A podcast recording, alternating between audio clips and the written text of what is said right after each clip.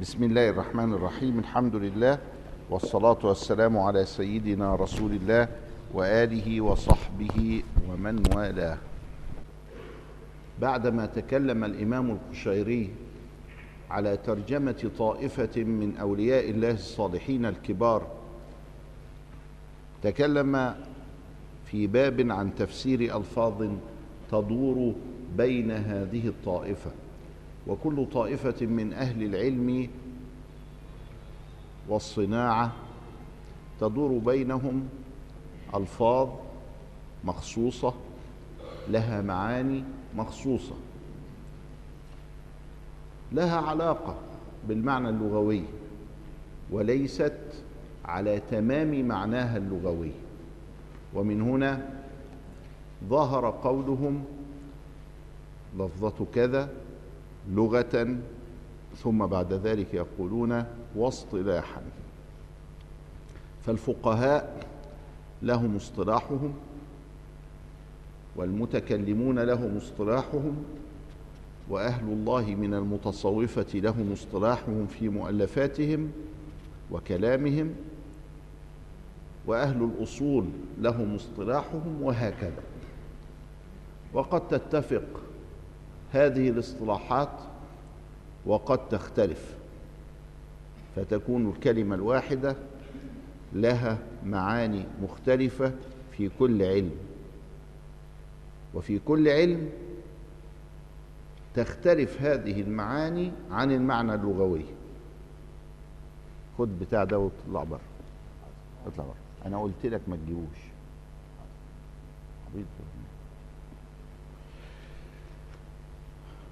ف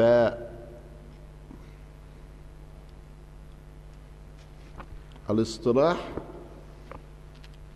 على وزن افتعال. وما كان على وزن افتعال هكذا فتاؤه إذا وردت بعد حرف من حروف الإطباق الأربعة تقلب طاء. وحروف الإطباق كما تعلمنا في علم التجويد هي الصاد والضاد والطاء والضاء. وسميت بهذا الاسم لأنها يحدث إطباق في الفم عند النطق بها وهي مفخمة. فعندما يأتي هذا التفخيم بعده تاء والتاء من شأنها الترقيق الذي هو ضد التفخيم فإن هذا التفخيم يسري إليها. ومن جور السعيد يسعد. ومن هنا فإن تفخيم هذه الحروف وإطباقها يسري إلى التاء التي بجواره فتتحول إلى طاء. والفرق بين التاء والطاء هو ذلك الترقيق والتفخيم أو ذلك الإطباق الذي إذا ما أدخلناه إلى التاء تحولت إلى طاء. ومن عيوب النطق أن تتحول عند بعضهم التاء إلى طاء أو الطاء إلى تاء.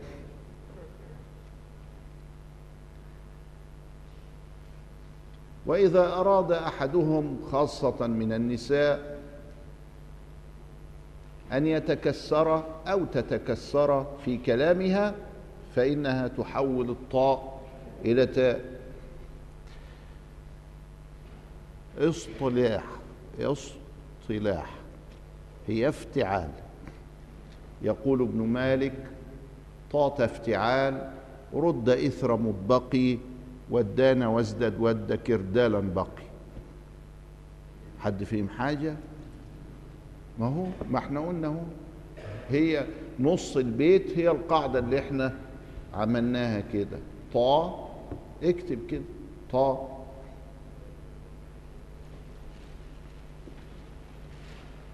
تا يبقى طا وبعدين تا مفيش حاجة. سهلة يعني أخف من شكة الدبوس. أهي. طا تاء افتعال.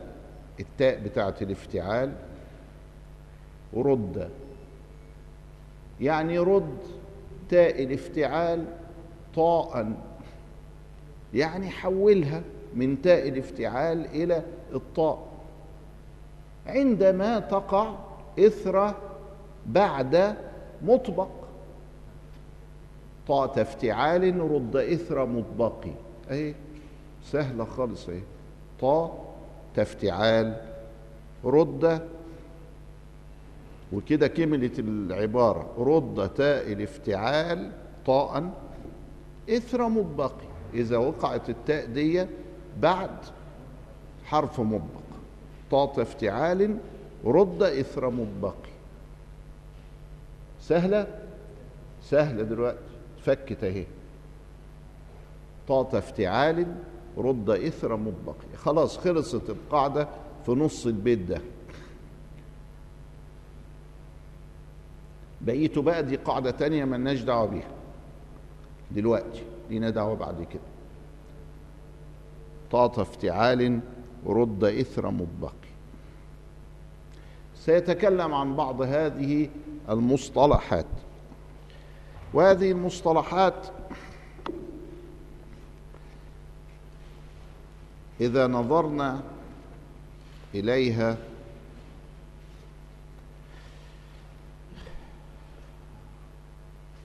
نجد أنه تكلم عن مجموعة كبيرة منها. الوقت والمقام والحال والقبض والبسط والهيبة والأنس والتواجد والوجد والوجود والجمع والفرق وجمع الجمع والفناء والبقاء والغيبة والحضور والصحو والسكر والذوق والشرب والمحو والإثبات. حتى تكلم عن النفس والروح والسر إلى آخره.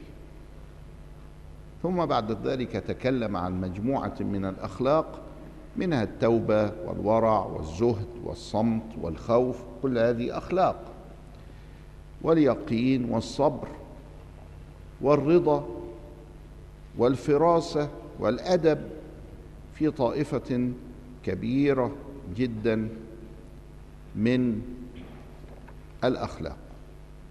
وعلى عادتنا سوف نختار مجموعة من هذه المصطلحات ومجموعة من هذه الأخلاق حتى تكون محلا للنظر والدراسة في عامنا هذا. وعلى ذلك فنأخذ إلى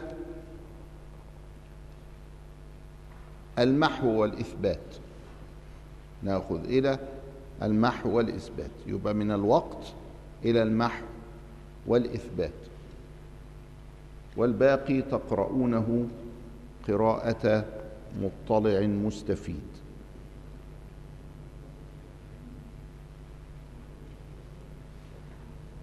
وبالنسبة لأبواب الأخلاق سنأخذ ابتداء من التوبة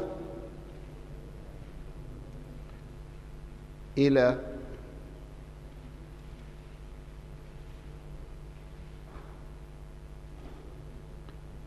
الجوع وترك الشهوة والغاية داخلة. يعني إيه الغاية داخلة؟ ها؟ داخل يعني. ها؟ لقوله تعالى إلى المرفقين. يبقى المرفق داخل ولا مش داخل؟ داخل لأن الغاية داخلة.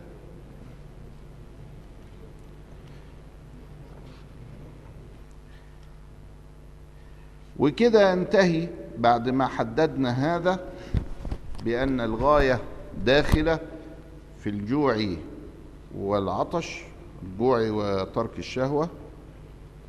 وحددنا إلى المحو والإثبات ينتهي المقرر ونحن الآن نتكلم في الوقت. يبقى هندخل في دلوقتي المصطلحات. قال رحمه الله تعالى ونفعنا الله بعلومه في الدارين آمين. فمن ذلك الوقت. مصطلح عندهم اسمه الوقت. حقيقة الوقت عند أهل التحقيق.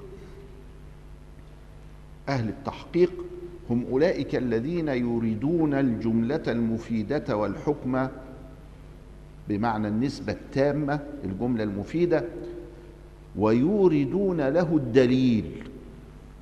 ودليلهم إما أن يكون من الوحي وإما أن يكون من الوجود المنضبط بالوحي. كما تكلمنا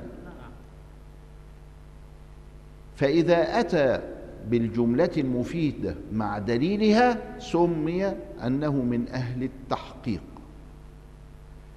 فإذا أتى بدليل آخر من وجه آخر سمي أنه من أهل التدقيق.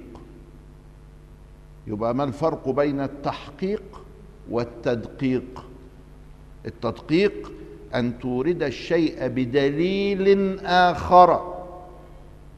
مش بالدليل الأول بدليل من جهة تانية. فلو كان الأول من الكتاب يكون الثاني من السنة وإذا كان الأول من السنة يكون الثالث من الثاني من الإجماع. وإذا كان الأول من المنقول فيكون الثاني من المعقول. والترقيق أن تصوغ العبارة بصيغة بصيغة الرقيقة والتنميق أن تدخل فيها من المحسنات البلاغية ما يجعلها متزنة. والتزويق أن تدخل فيها من المحسنات كالسجع وكاتساق المقاطع ما يجعلها سهلة الحفظ. يبقى عندنا خمس مراتب للأداء التحقيق والتدقيق والترقيق والتنميق والتزويق. ماشي؟ سمعتوا الكلام ده قبل كده؟ ولا سمعتوه قبل كده؟ مفيش إلا الواد اللي لابد لي ده علشان قاعد معايا ست سبع سنين يقرأ عليا. أهل التحقيق يبقى أن يورد الكلام بالدليل. قال الوقت حادث متوهم. علق حصوله على حادث متحقق. يبقى هناك حادث متحقق وكأنه الإناء. وهناك حادث متوهم متوهم وكأنه الماء. وعند الوقت هو أن تضع الماء في الإناء. يعني تخيل كده إناء وتخيل ماء. ثم تخيل أنك قد وضعت الماء في الإناء. فالوقت هو هذه العلاقة ما بين الحادث المتوهم والحادث المحقق. فالحادث المتحقق وقت للحادث المتوهم. تقول آتيك رأس الشهر. يبقى رأس الشهر ده الوقت. ده عبارة عن الإناء والإتيان. الإتيان ده متوهم لسه ما حصلش. لكن بتاع الشهر ده محسوب معروف. بداية الشهر. فالإتيان متوهم. ورأس الشهر حادث متحقق متحقق فرأس الشهر وقت للإتيان. سمعت الأستاذ أبا علي الدقاق يقول الوقت ما أنت فيه. يبقى هو الوقت عند علي الدقاق أبو علي الدقاق الآن. والآن ده فترة بين الماضي والمستقبل. من خمس دقايق ده ماضي مشيت خلاص. ولسه كمان بقية المحاضرة ده مستقبل. لكن فين الوقت؟ دلوقتي. ده ذا الوقت. دلوقتي يعني إيه؟ ذا الوقت. ها؟ اللي هو الآن. اللحظة اللي أنت قائم فيها الآن. إن كنت بالدنيا فوقتك الدنيا. وإن كنت بالعقبة فوقتك العقبة وإن كنت بالسرور فوقتك السرور وإن كنت بالحزن فوقتك الحزن. يريد أن يقول إن وقتك هو الآن وده يترتب عليه كلام. يريد بهذا أن الوقت ما كان هو الغالب على الإنسان. الغالب على الإنسان مش يعني أكثر عمر الإنسان لا. الغالب على الإنسان يعني المتمكن من الإنسان.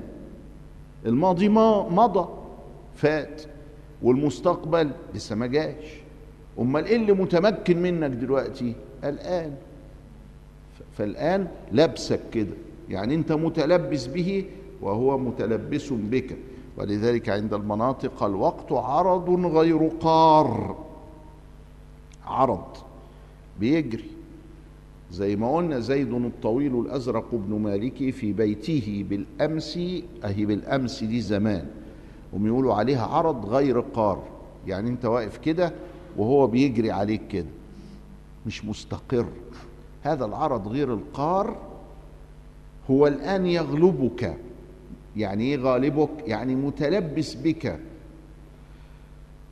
وقد يعنون بالوقت ما هو فيه من الزمان. فإن قوما قالوا الوقت ما بين الزمانين يعني الماضي والمستقبل. ويقولون الصوفي ابن وقته. أو هنا نبتدي بقى إيه؟ نعيش مع كلمة الوقت وأهميتها عنده. الصوفي ابن وقته. يعني ما تشغلش بالك باللي, باللي فات ولا تشغل بالك باللي آت. لا اللي فات ولا ما هو آت. اشغل نفسك بما أنت فيه الآن. أنت مين؟ مخلوق. مكلف ولا غير مكلف؟ مكلف. بإيه؟ بالذكر. وما تضيعش وقت بقى. أنت مكلف بالذكر دلوقتي. طب ده أنا ما عملتش الأذكار بتاعت امبارح. قالوا ما فيش قضاء لأنك مشتغل بما كلفت به. واللي فات مات. الله هو الجماعة بتوع الناس اللي جايبين الكلام ده منين؟ اللي فات مات. مش الكلام ده بنسمعه؟ جايبينه منين؟ جايبينه من الجماعة دول. اللي فات مات. خد بالك من دلوقتي. يعني إيه؟ يعني التفت لحالك الآن. فما فيش قضاء. ما فيش قضاء لأنك يا مسكين مكلف الآن بشيء آخر ولا يمكن إحداث القضاء مع ما أنت مكلف به في وقت واحد. اشتغل بقى في الذكر دلوقتي. مش قضاء للورد اللي فاتك امبارح إنما قياما بما أنت فيه الآن. ولما كان الإنسان لم يكلف بصلاة مستمرة ولا بصيام مستمر أصبح هناك وقت للقضاء. ليه بتقضي الصلاة؟ ما بتقضيش الذكر. على أصل الذكر ده ده أنت على طول. مفيش وقت أقضي فيه. لكن الصلاة في وقت ما إحنا ما بنصليش اهو قوم نقوم نصلي الفائت. طب ما أنا مش صايم النهارده صوم علشان تقضي الفايت. يبقى كلما وجدت شيئا يمكن لك أن تقضي فيه اقضي. سدد الديون. واللي ما تلاقيلوش وقت تقضي فيه لأن الوقت كله قد شغل من قبل الشرع الشريف. يبقى اللي فات مات. مفهوم؟ شوف هت... الله ده الوقت بقى ليه عبارة هنا اهي. يريدون بذلك أنه مشتغل بما هو أولى به من العبادات في الحال. قائم بما هو مطلوب به في الحين. وقيل الفقير إلى الله لا يهمه ماضي وقته وآتيه. لا اللي فات ولا إلى ما هو آت. بل يهمه وقت الذي هو فيه. عبارات بقى إيه؟ فيها تنميق وتزويق. هي هي. هو المعنى واحد. أهل التحقيق. كلام ده وله أدلة. لكن بعد الدليل ودور التدقيق بيجي التنميق بيجي الترقيق فالتنميق فالتزويق. التزويق يقول لك إيه؟ الفقير لا يهمه ماضي وقته وآتيه بل يهمه وقته الذي هو فيه. قم تبقى موزونة قم تتحفظ أكتر. وهي هي هو نفس الكلام أهو. ولهذا قيل الاشتغال بفوات وقت ماض تضييع وقت ثان. لو إنك اشتغلت دلوقتي بقضاء الورد بتاع امبارح يبقى ضيعت الورد بتاع النهارده. ما هو الكوباية مليان وقد يريدون بالوقت ما يصادفهم من تصريف الحق لهم. بيراقبوا نفسهم. شوف ربنا ابتلاني ببعض الناس الرغاي وما راقب نفسي. سبحانك. عملت إيه النهارده؟ لازم في حاجة غلط. والغلط يجيب غلط. فلماذا سلطه علي واخد بالي؟ ما يصادفهم من تصريف الحق لهم دون ما يختارونه لأنفسهم. ما أنا ما اخترتش إن هو يرغي ولا اخترت على كده هو. وكذلك سلطني الله عليه فأوقفته هكذا. ما هو تسليط أبدان على أبدان. وهم يقول الله طب وده سلطوا عليا ليه؟ شافني ليه؟ سمعني ليه؟ ما هو كان يقدر سبحانه أن يصرف عني هذا. لكن لابد الحكمه ويقعدوا يتأملوا نفسهم هو دلوقتي بيحصل إيه؟ ويقولون فلان بحكم الوقت. عندهم عبارة كده يقولوها. فلان بحكم الوقت. فصاحبنا ده متلبس بالعقوبة فيبقى هو هو دلوقتي بيقضي مدة العقوبة. هو اللي فيه ولذلك قلت له إيه؟ اذكر الله. لو فاكرين اذكر الله وأنت على هذه الحال. نذكر الله. يا رب سامحني يا رب. يا رب سامحني. هم يبقى حلو كده. لأنه ما أرسل إليك العقوبة إلا لأن يستنفرك أن تذكره. يلا هو جاب ليه ما هو ديك هتبقى فيها تبرم. أوف. إيه ده؟ طب وأنا مال أنا تعبت. يا ريتني ما جيت النهارده. والتاني يقول له سبحانك ما أعظم شانك. لا إله إلا هم ياخد يطلع من المحنة بمنحة. تاخد بالك؟ آه. ويقولون فلان بحكم الوقت. أي أنه مستسلم لما يبدو له من الغيب من غير اختيار. هو ده واقف مختار في أصل الاختيار؟ لا لأنه ده واقف إيه؟ عقوبة وخايف من الأستاذ وخايف من الكلية وخايف من الامتحانات وخايف من نفسه وخايف من وإذا خاف الإنسان ما سوى الله أخافه الله من كل شيء. وإذا خاف من الله وحده مش ببجاحة يعني لا ده هو خايف من الله وحده فعلا كده. وما الله سبحانه وتعالى يخيف منه كل شيء.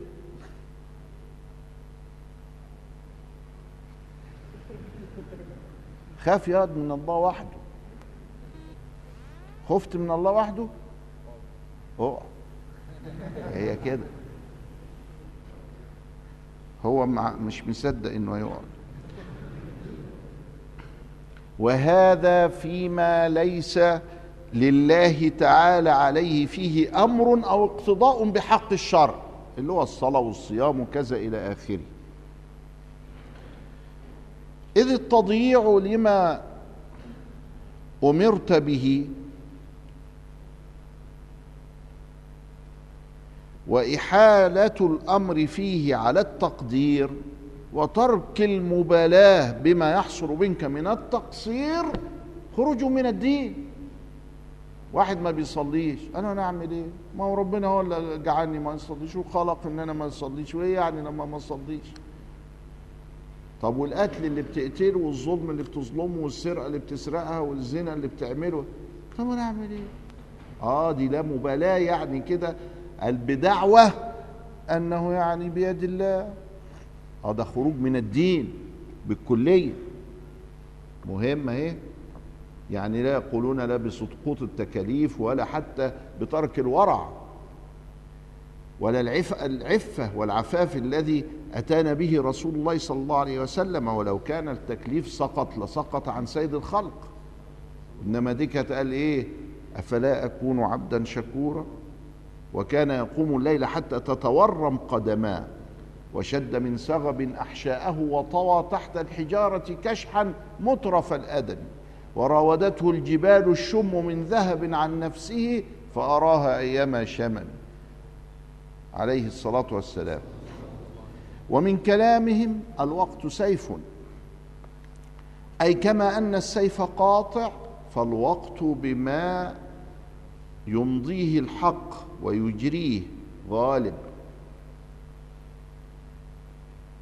يجريه لما يكون رباعي من أجرى ويجري يبقى من جرى وفي جرى وفي أجرى. لما يكون رباعي يبقى نضم إيه؟ ياء المضارعة ولما يكون ثلاثي أو خماسي أو سداسي تفتح ياء المضارعة أفاد يفيد. أطاق يطيق. وفي أفعال حكم وأحكم. إذا جبتها من حكمة يبقى يحكم. إذا من أحكمة يبقى يحكم. لأنه من الرباع. وفي أفعال تدور عليها تلاقي ثلاثي بس. مفيش فيها رباع. شان. يبقى يشين. وغلط إنك تقول إيه؟ يشين. زي ما بعض الناس يقول كده. يشين. يبقى كأنه جابها من أشانة. مفيش أشانة في اللغة.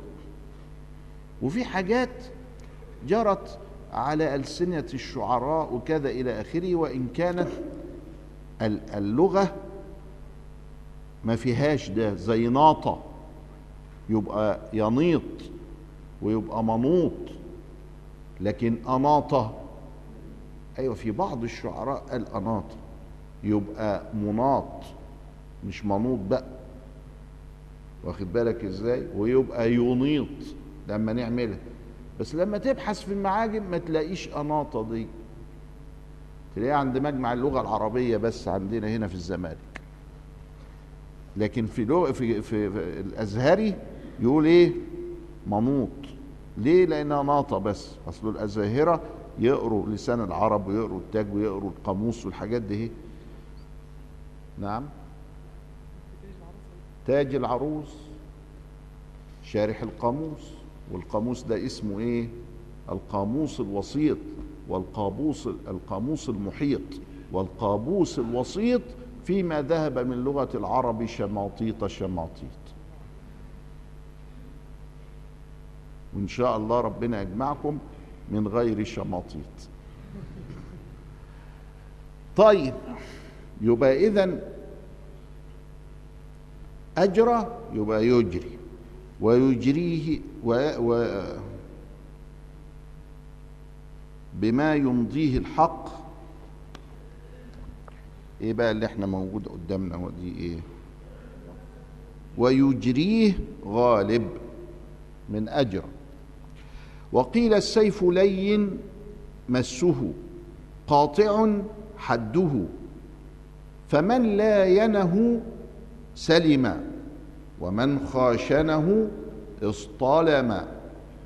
اصطلم اهي افتعل فالتاء بقت إيه؟ طاء لأنها جت ورا الصاد. اصطلم. كذلك الوقت من استسلم لحكمه نجا. ومن عارضه انتكس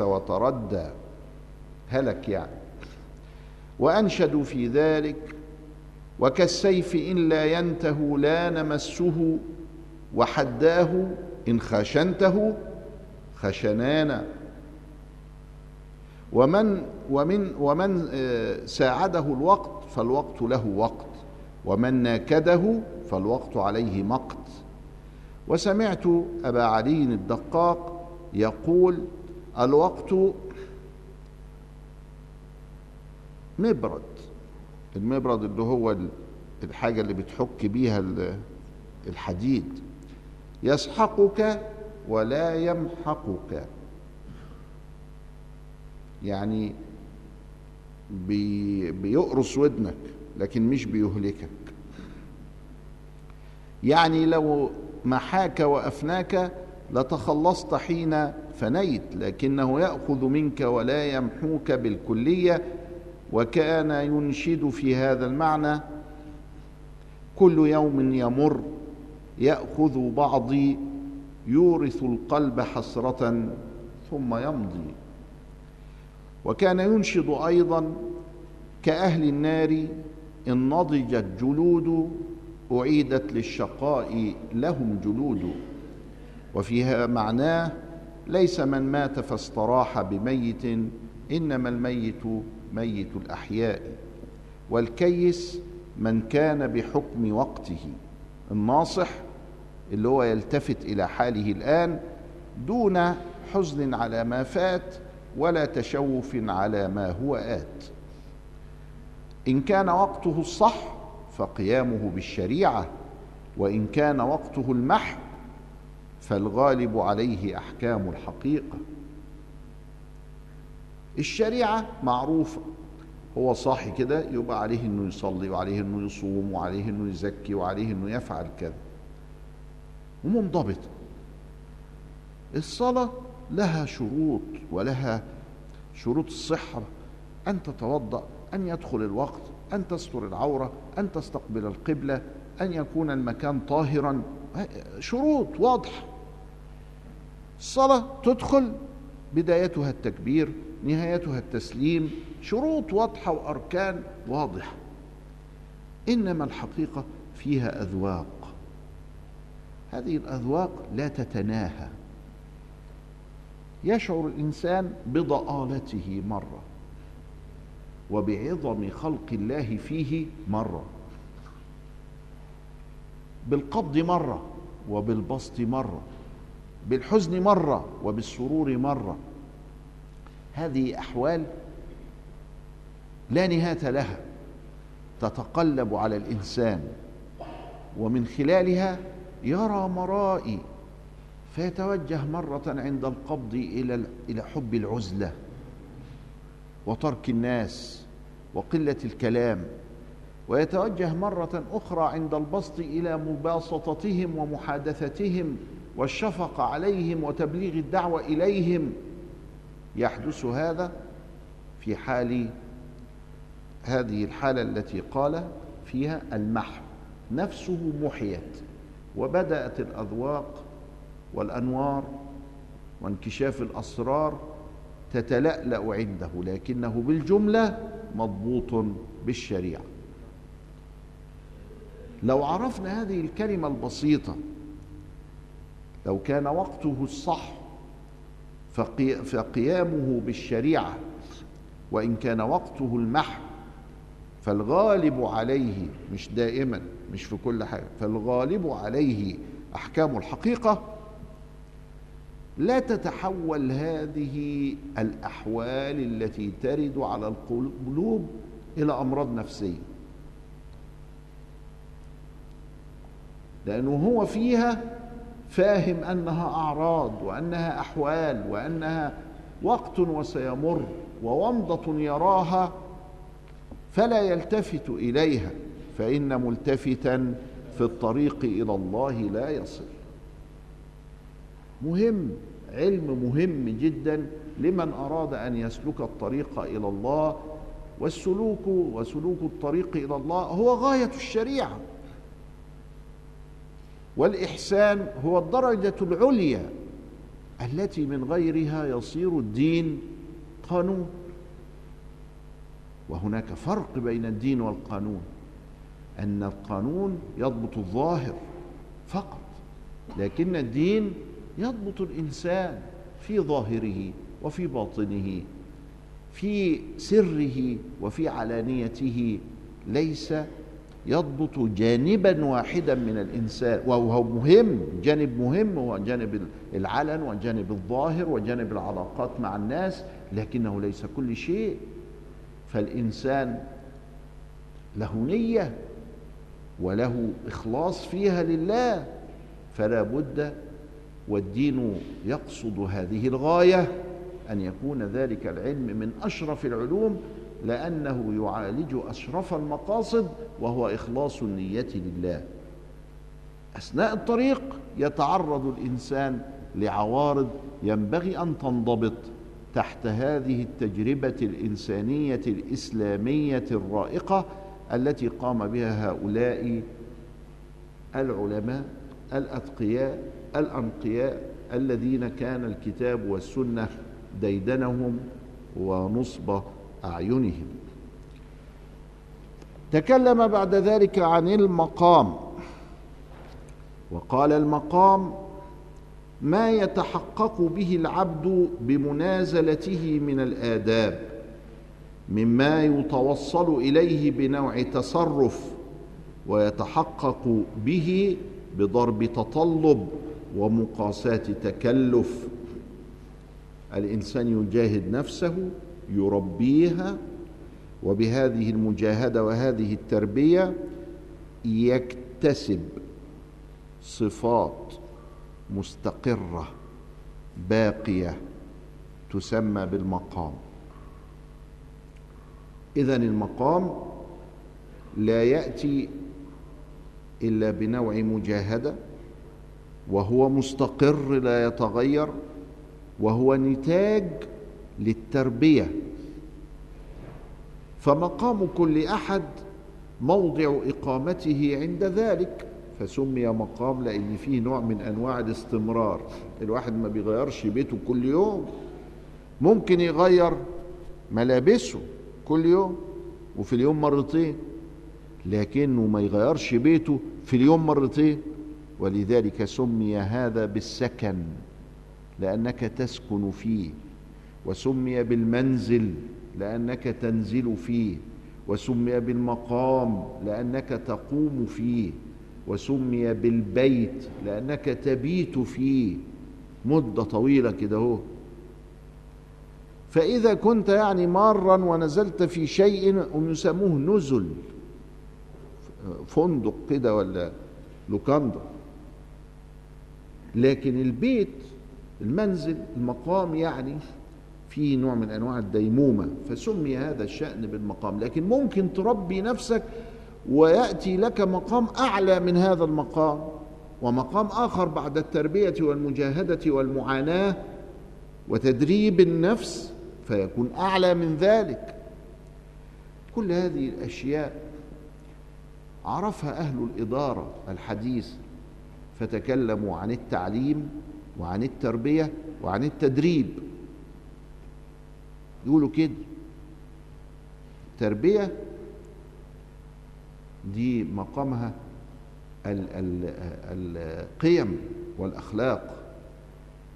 التعليم ده مقام المعلومات والمعرفة. التدريب مقام المهارات والملكات. فندربك عشان تبقى نجار لأن النجار ده عايز إيد حساسة مدربه بتشتغل لوحدها كده. في حين إن أنت لما تمسك حتة خشب علشان تنشرها بس تبوظ منك لأنه الملكة مش موجودة في إيدك. يبقى اذا الناس دي قاعدة تتكلم برضه في التدريب وفي التربية وفي التعليم علشان في النهاية تنشئ الإنسان. بس تدريب وتربية وتعليم في جهة إيه؟ في جهة السير في الطريق إلى الله. وشرطه موضع إقامته عند ذلك وما هو مشتغل بالرياضة له.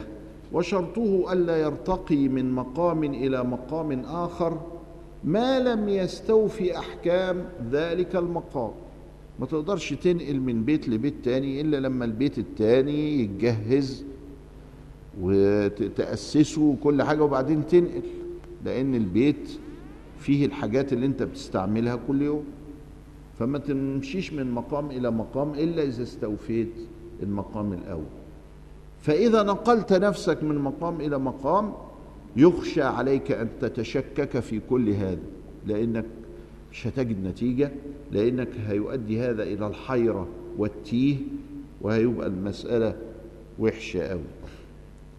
فإن من لا قناعة له لا تصح له التوكل ومن لا توكل له لا يصح له التسليم. يبقى لابد مقام القناعة يسبق مقام التوكل. مقام التوكل تتمكن فيه ثم تنتقل بعد ذلك إلى مقام التسليم. وكذلك من لا توبة له لا تصح له الإنابة. يبقى مقام التوبة وبعدين تنتقل إلى مقام الإنابة. ومن لا ورع له لا يصح له الزهد. يبقى لازم في مقام الورع بعدين مقام الزهد.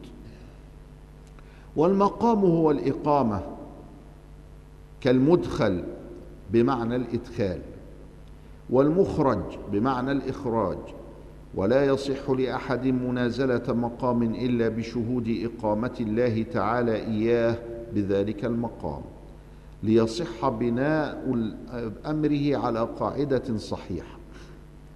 قال أبو علي الدقاق لما دخل الواسطي نيسابور سأل أصحاب أبي عثمان بماذا كان يأمركم شيخكم؟ فقالوا كان يأمرنا بالتزام الطاعات ورؤية التقصير فيها. لازم تاخد بالك من الصلاة. ولازم تشوف انت في الصلاة قصرت في إيه علشان تكمله. فقال أمركم بالمجوسية المحضة. المادية المحضة. نعم.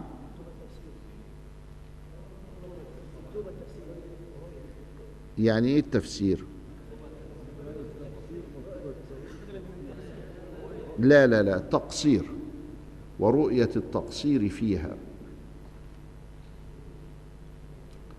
فقال أمركم بالمجوسية المحضة.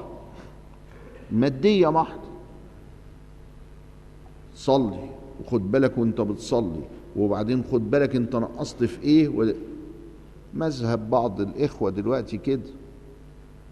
يقول لك الخشوع هو أن تنظر إلى موطن, موطن السجود. لا ده الخشوع محل القلب. لكن حكاية تحويل المعاني إلى ضوابط مادية دي مجوسية محضة هل أمركم بالغيبة عنها؟ ده كان لازم يقول لكم صلوا وما تاخدوش بالكم في ذهنكم إن أنتوا صليتوا. تصلوا وتاخدوا بالكم إن ربنا هو اللي موفقك للصلاة مش تاخد بالك من الصلاة.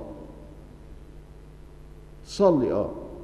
بس كفاية عليك كده ولا تلتفت عنها ولا تلتفت إليها بل التفت عنها.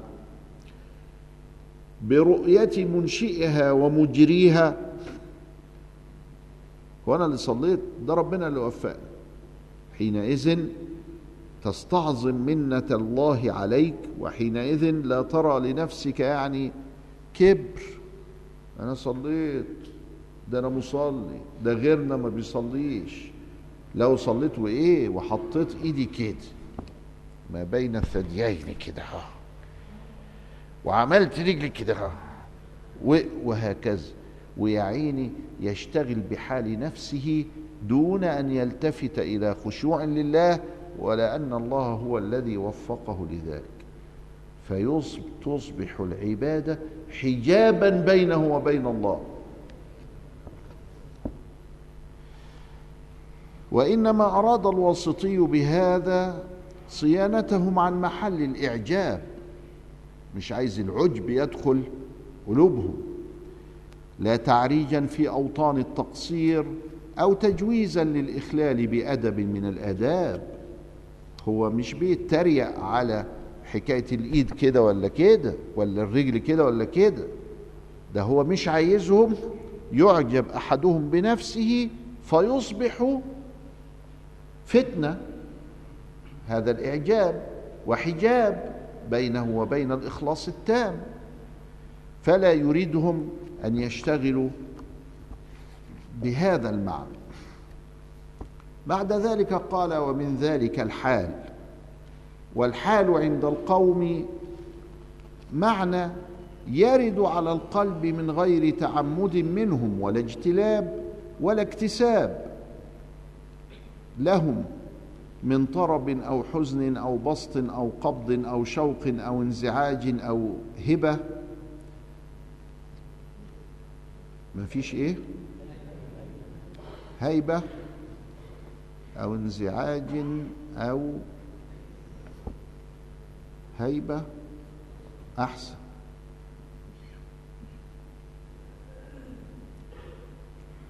وممكن كمان تبقى أحسن أو انزعاج أو هبة. يعني هو منزعج وخايف أو هو نشيط وهابب كده. أو احتياج فالأحوال مواهب والمقامات مكاسب. يبقى الحال ده حاجة بتيجي للإنسان كده من عند ربنا من غير تكلف ولا معاناة. يلاقي روحه فيها كده يبقى ده كرم من عند الله كده هو من غير أي سبب من الأسباب التي تنشأ من سالك الطريق. والأحوال تأتي من غير الوجود والمقامات تحصل ببذل المجهود.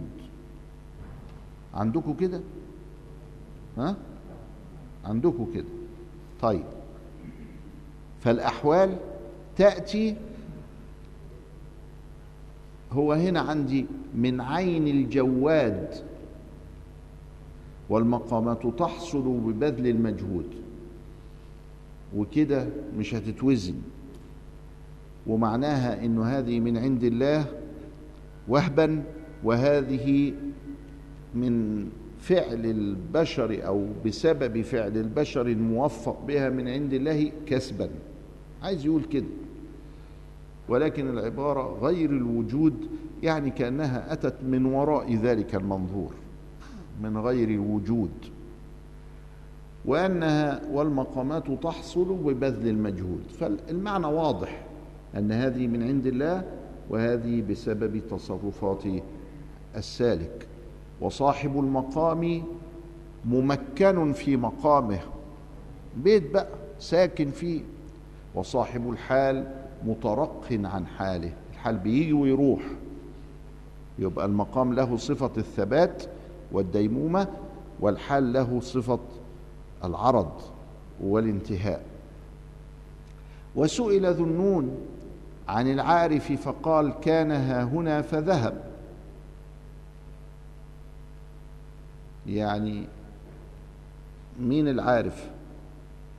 قال والله العارف ده العرفان ده بيجي ويروح. عرض. كان هنا ومشي.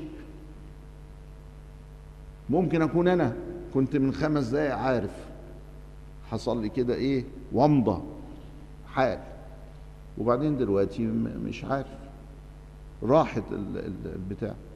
عايز يقول كده. عايز يقول إن العرفان نوع من أنواع الحال. وقالوا الأحوال كاسمها. أحوال. يقول لك يا أخي ده ليه أحوال؟ ليه أحوال يعني إيه؟ متقلب يعني. يعني أنها كما تحل بالقلب تزول في الوقت. وأنشدوا لو لم تحل ما سميت حاله وكل ما حال فقد زال. انظر إلى الفيء إذا ما انتهى. يأخذ في النقص إذا طال لما يكون عندنا عمود وبه كانوا يدركون الصلاة قديما مواقيت الصلاة هذا العمود تأتي الشمس ويكون له ظل. كلما تحركت الشمس من الشرق إلى الغرب تحرك هذا الظل. ظل هذا العمود يسمى الفي يأخذ في الزيادة ثم في النقصان حتى يصل إلى جزء بسيط في أصل العمود هو هذا الذي يسمى بالفي وبعد ذلك يبدأ في الزيادة فيؤذن الظهر. ويجلس يزداد يزداد يزداد إلى أن يصل إلى مثلي العمود فيؤذن العصر. ويجلس هكذا إلى غروب الشمس. وبهذا القضية الفيء هو النهاية عند الاستواء التي تكون ظلا لهذا العمود.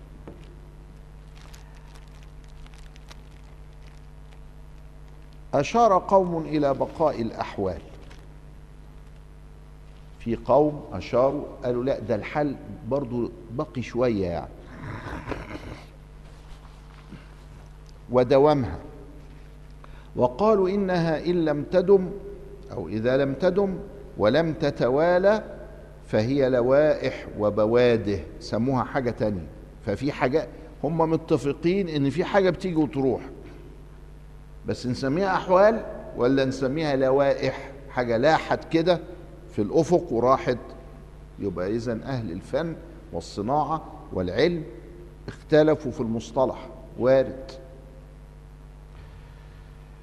ولم يصل صاحبها بعد إلى الأحوال. يبقى اللوائح دي إيه؟ تيجي وتروح بسرعة. والأحوال يعني تستنى شوية.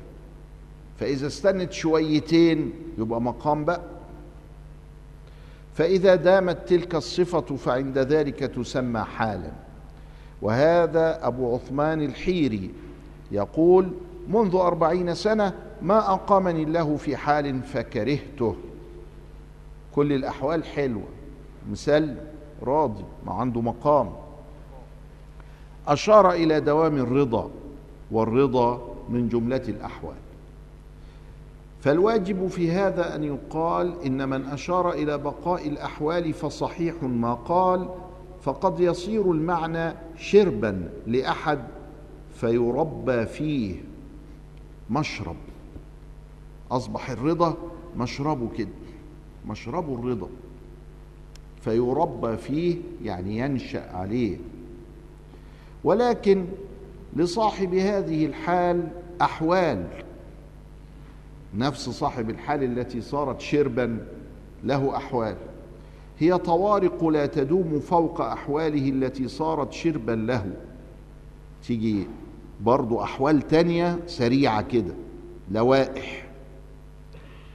فإذا دامت هذه الطوارق له كما دامت الأحوال المتقدمة ارتقى إلى أحوال أخرى فوق هذه وألطف من هذه.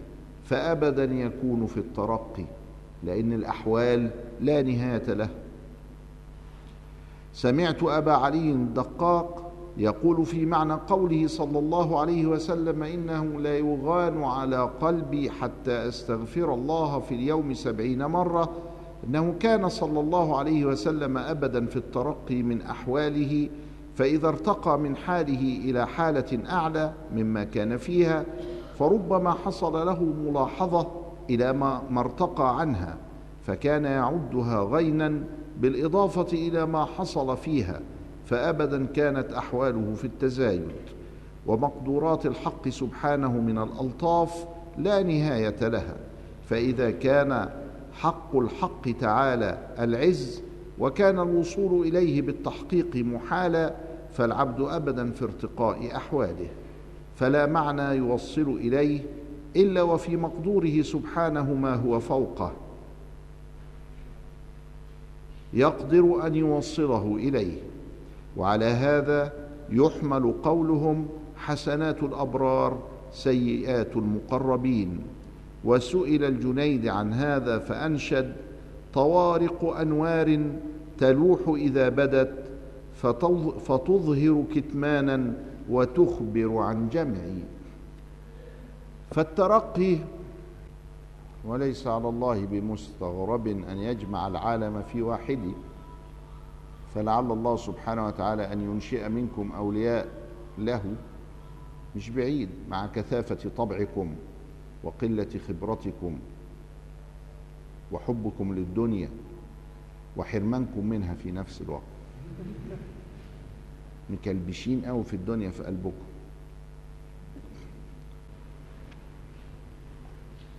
اذا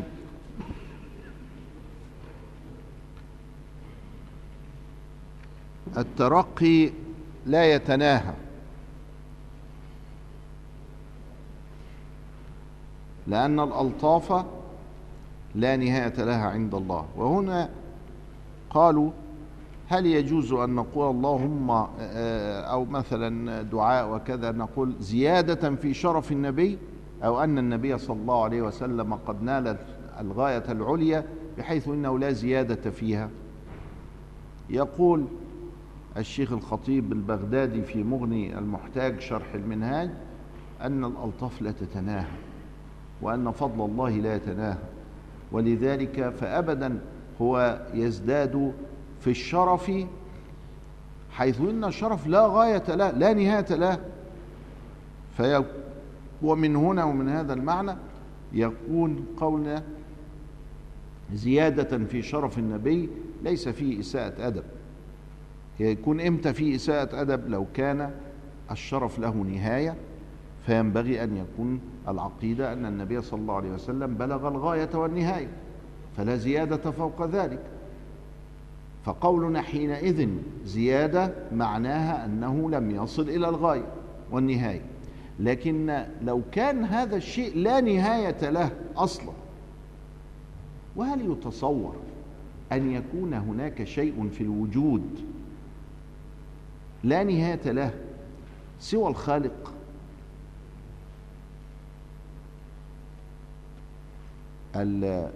الصفات الإلهية لا نهاية لها باتفاق. لكن أي شيء موجود له نهاية. عد النجوم. طلع الرقم أي رقم؟ decillion decillion يعني إيه؟ ما نعرفش.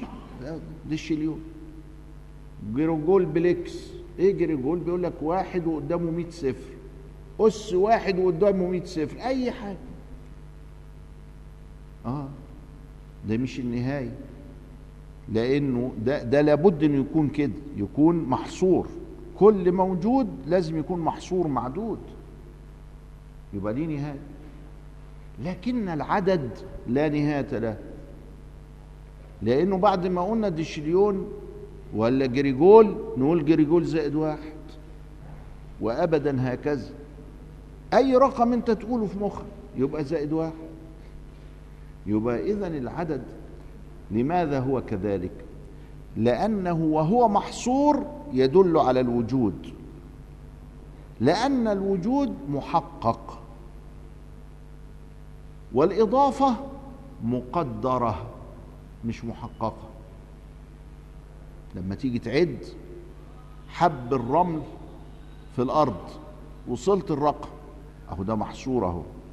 لكن ممكن ربنا يخلق زائد واحد. على سبيل الايه؟ انه مقدر مش محقق. اول ما يتحقق يبقى ضمن العدد المحصي لكن ممكن يخلق زائد واحد تاني وهكذا أبدا بقى مفتوح.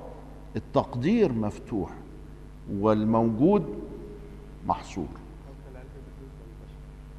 ولذلك فلو أن النبي صلى الله عليه وسلم من صلواتنا عليه بلغ عدد الصلوات googolplex ولما صلي عليه دلوقتي يبقى googolplex واحد. عليه الصلاة والسلام. وابدا هكذا. فالأمر إيه؟ مفتوح. فيجوز أن نقول زيادة في شرف النبي صلى الله عليه وسلم. القبض والبسط. قال وهما حالتان بعد ترقي العبد عن حالة الخوف والرجاء فالقبض للعارف بمنزلة الخوف للمستأنف والبسط للعارف بمنزلة الرجاء للمستأنف. المستأنف يعني المبتدئ. ومن الفصل بين القبض والخوف والبسط والرجاء إيه الفرق بينهم الفصل؟ يعني الفرق بينهم. أن الخوف إنما يكون من شيء في المستقبل. إما أن يخاف فوت محبوب أو هجوم محظور. وكذلك الرجاء إنما يكون بتأميل محبوب في المستقبل أو بتطلع زوال محظور وكفاية مكروه في المستقبل. وأما القبض فلمعنى حاصل في الوقت. وكذلك البسط. يبقى القبض والبسط دول حالا دلوقتي. فصاحب الخوف والرجاء تعلق قلبه في حالتيه بآجله بما هو آتي. وصاحب القبض والبسط أخذ وقته بوارد غلب عليه في عاجله. ثم تتفاوت نعوتهم في القبض والبسط على حسب تفاوتهم في أحوالهم. فمن وارد يوجب قبض ولكن يبقى مساغ يبقى مساغ للأشياء.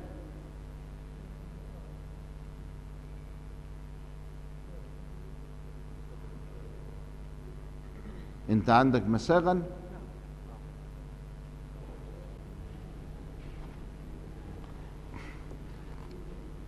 فمن وارد يوجب قبضا ولكن يبقى مساغ للأشياء الأخر. يعني الوارد جه حال. قبضني. لما قبضني لو كان القبض تام يغلق كل الأبواب.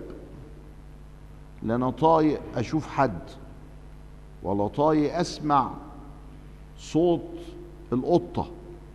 ولا أنا طايق أنظر إلى وردة ولا طايق أشم العطور.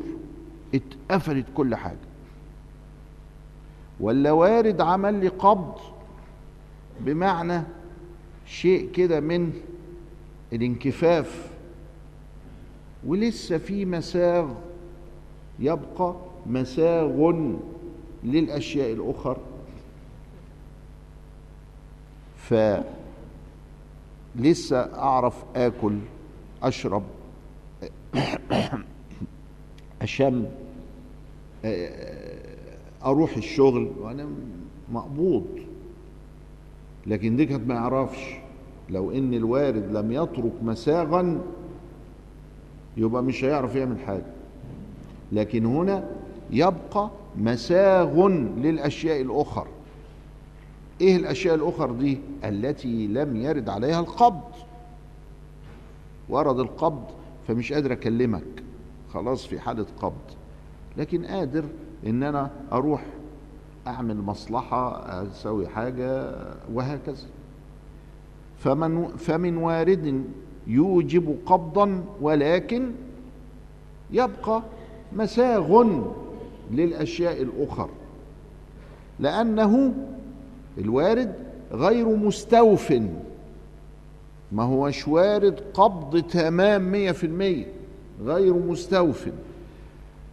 ومن مقبوض لا مساغ لغير وارده فيه لأنه مأخوذ عنه بالكلية بوارده. يبقى الوارد منه مية في المية ومنه خمسين وسبعين مش مية في المية.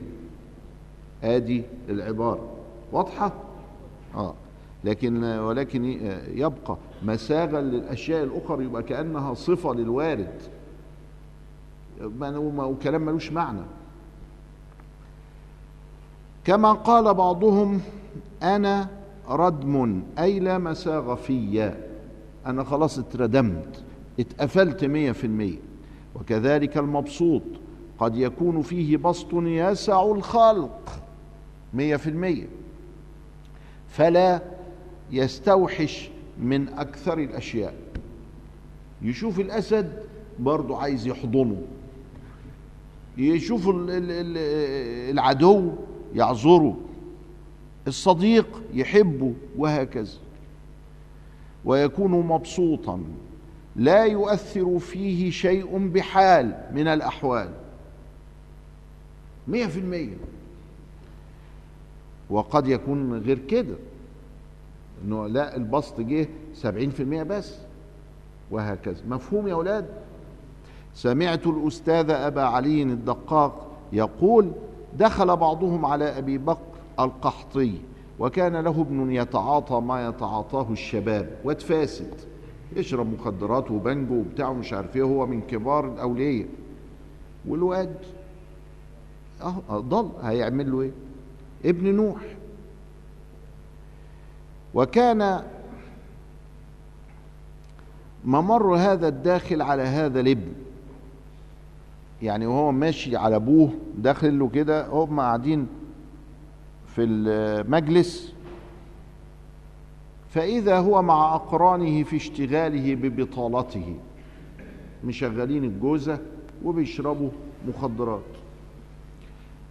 فرق قلبه وتألم للقحطي أبو علي الدقاق قال لا إله إلا الله. شوف ربنا ابتلى هذا الولي بابن عايز الحرق. وقال مسكين هذا الشيخ كيف ابتلي بمقاساة هذا الابن؟ فلما دخل على القحطي وجده كأنه لا خبر له بما يجري في الأوضة اللي جنبيهم بما يجري عليه من الملاهي فتعجب منه. أبو علي الدقاق تعجب من القحط وقال فديت يا من لا تؤثر فيه الجبال الرواسي. ده أنا لو كنت أنا وكان عندي ابن زي ده كنت مت. وهو ربنا منزل على قلبه السكينة. فقال القحطي إنا قد حررنا عن رق الأشياء في الأزل. يا ربنا قدر عليا إن نصبر على هذا فده مش مش جدعنه مني ده منا من الله سبحانه وتعالى. كان أحد العلماء الكبار من مشايخ مشايخ مشايخنا في أوائل القرن وكان ابنه على هذه الصفة. ومما أنزل الله على قلبه من السكينة أنه كان يسدد عنه أجر الخمر. يعني الواد يروح منايولي بتاع الخمارة ويحسب في الآخر جنيه في خلال الشهر هم يروح يسددهم الشيخ. وكان شيخا من شيوخ الأزهر العظام. من تقوى الله سبحانه وتعالى ومن هذا الحال أنه صابر. وكان هذا الولد إذا رجع البيت عند الفجر سكران يرجع بظهره يطلع السلم بظهره. حتى إذا ما فتح الشيخ من أجل أن ينزل لصلاة الفجر فإذا كان هذا الموقف يقول له ده أنا نازل أصلي الفجر. وهو طالع بالظهر وإذا لم يجد يفضل واصل لغاية الباب حتى يدخل وينام ولا صلاة ولا خلاف. وصبر عليه الشيخ حتى هداه الله سبحانه وتعالى في آخر عمر ذلك الولد من المعاملة الإيه؟ الرفيقة وهكذا.